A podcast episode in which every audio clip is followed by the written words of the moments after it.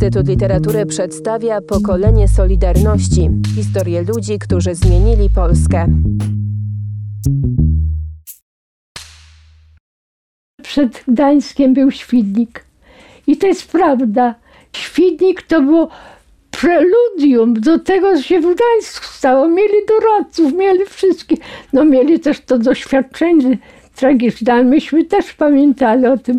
Muszę powiedzieć, że Świnik Lubelski Lipiec, o teraz jak były te obchody, Lubelski Lipiec, a dlaczego nie można Świdnicki jako pierwszy? Jak myśmy społecznie pracowali, ja wtedy nie zdawałam sobie sprawy, ale jednak czułam, że to Świdnik i tak mi do tej pory żal, że jednak ten Świdnik jest pomijany, naprawdę, bo bez żadnych doradców potrafiliśmy zadbać o zakład i zadbać o to, żeby nikt nie został przez to represjonowany. Tam też mieliśmy punkt, że nie wyciągną żadnych wniosków co do tych strajkujących, to też żeśmy sobie.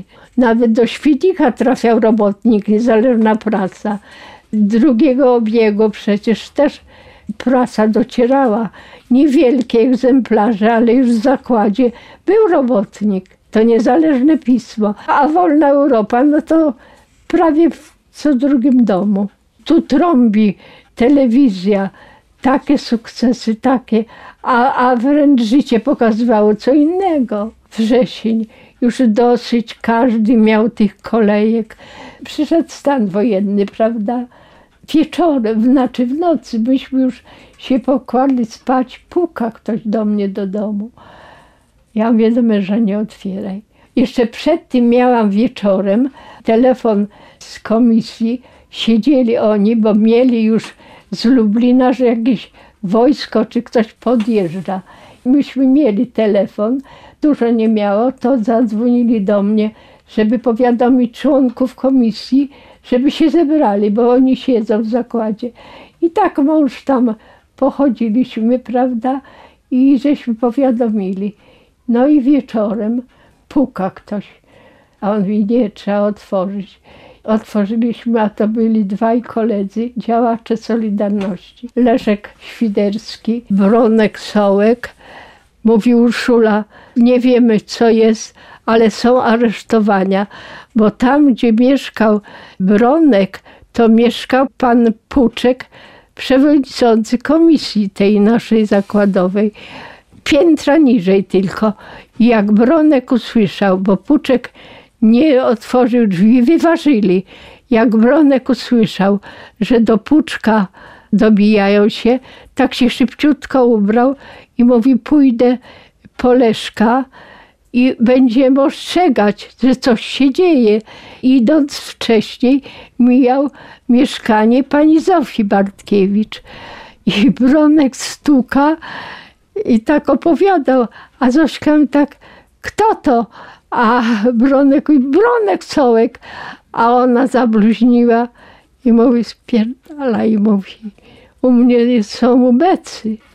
I wtedy poszedł Poleszka, żeby do mnie przyjść, żeby ich może też nie aresztowali. A ja mówię, tak słuchajcie, zadzwonimy do pana dyrektora jeszcze. Zadzwoniłam do pana dyrektora. Dyrektor już chyba wiedział i mówi, tak, mówi, ja mówię, panie dyrektorze, my się zbieramy w zakładzie rano. I dyrektor mówi, ja tam będę. Jeszcze miałam telefon, jakaś kobieta dzwoniła i mówi tak, mam informację od Fredka Bondosa, że są aresztowania. Fredek wyskoczył chyba z drugiego piętra przez balkon, bo oni dobijali się, a ona, dzieci tam, no nim otworzyła, wyskoczył i sobie nogę skręcił. I tak zakuśtykał do kina, bo tam Iskra była, taki lokal.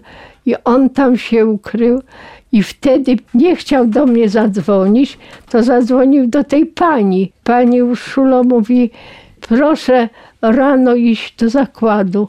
A ja jak to mówi? No nie mogła powiedzieć, prawda? I tak myśmy już wiedzieli. I zaraz oni przyszli, chcieli oszczec, Andrzeja Sokołowskiego. To jest ulica obecnie Okulickiego. Idą ulicą, patrzą, a przed klatką schodową Andrzeja stoi suka. Więc wiedzieli, że na pewno po Andrzeja. Oni chcieli go uprzedzić. Ale mówi, tu latarnie są i w ten sposób do mnie przyszli. To myśmy wtedy, mąż wziął karty, pół litra, no i także niby, prawda, towarzystwo, żeśmy nie spali. Chciałam gdzieś zadzwonić, telefon milczy. Ale ja mówię, słuchajcie, ja mam brata ciotecznego w Lublinie dzwonię. Milczy. Już były podcinane telefony. I tak się zaczęło. Rano no, włączyliśmy, a tu Jaruzel i tam ten wojskowy jakiś mówi. Dla bezpieczeństwa, prawda, i to. Każdy sobie poszedł jeszcze po znajomo, to niedziela była, to ludzie spali, a ja poszłam na pierwszą mszę do, do kościoła okrągłego. Ten kościół był wtedy w budowie. Ja pamiętam, trochę było nas, ale niewiele. I pamiętam takie płomienne kazanie księdza proboszcza Chryniewicza. To był wielki patriota. To potem w stanie wojennym skrawek wolnej Polski to był właśnie tam w kościele.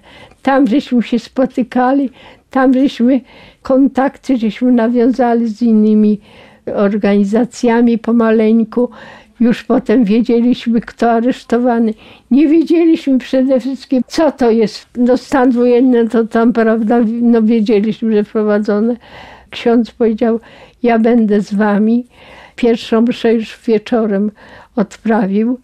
Przyszłam do domu, chłopcom zrobiłam jedzenie i też poszłam.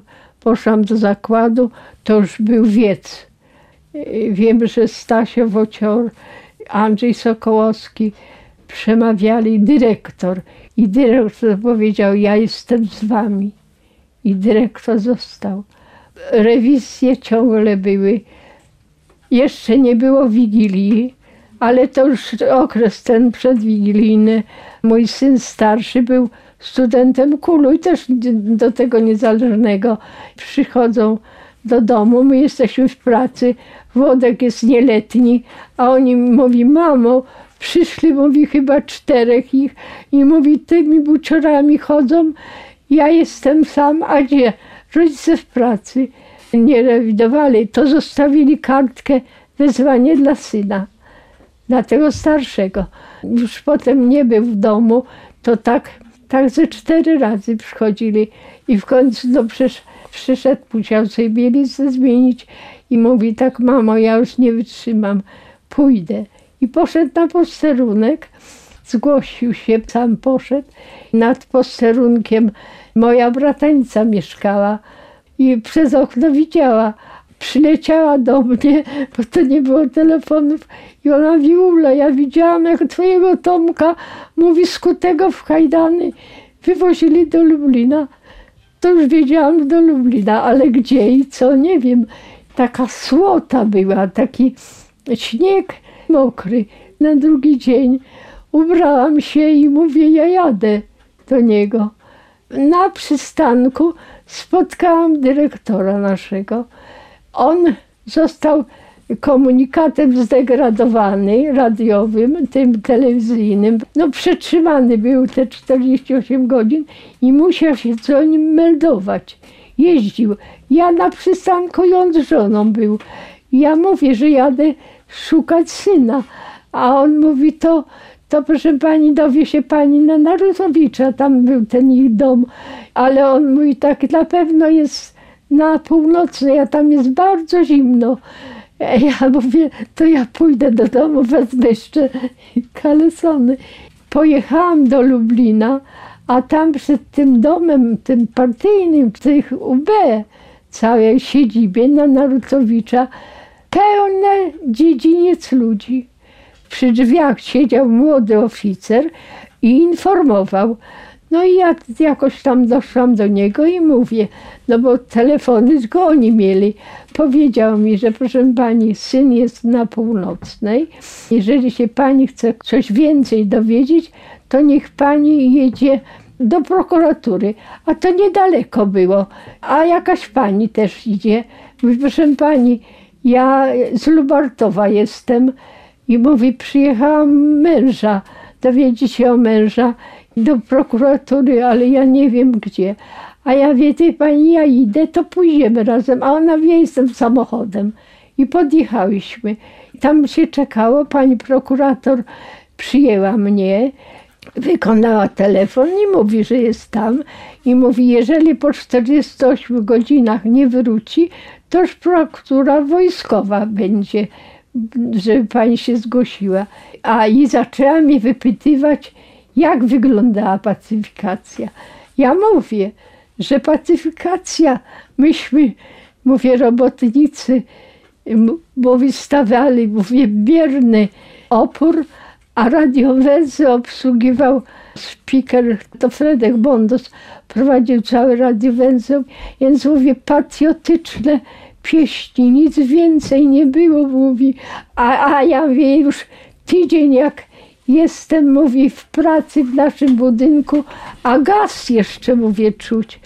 I mówię, jej oczy pieką na korytarz, a i ona wtedy, jak tam nazwę tego gazu, Pokolenie Solidarności. Cykl podcastów przygotowanych przez Instytut Literatury w Krakowie.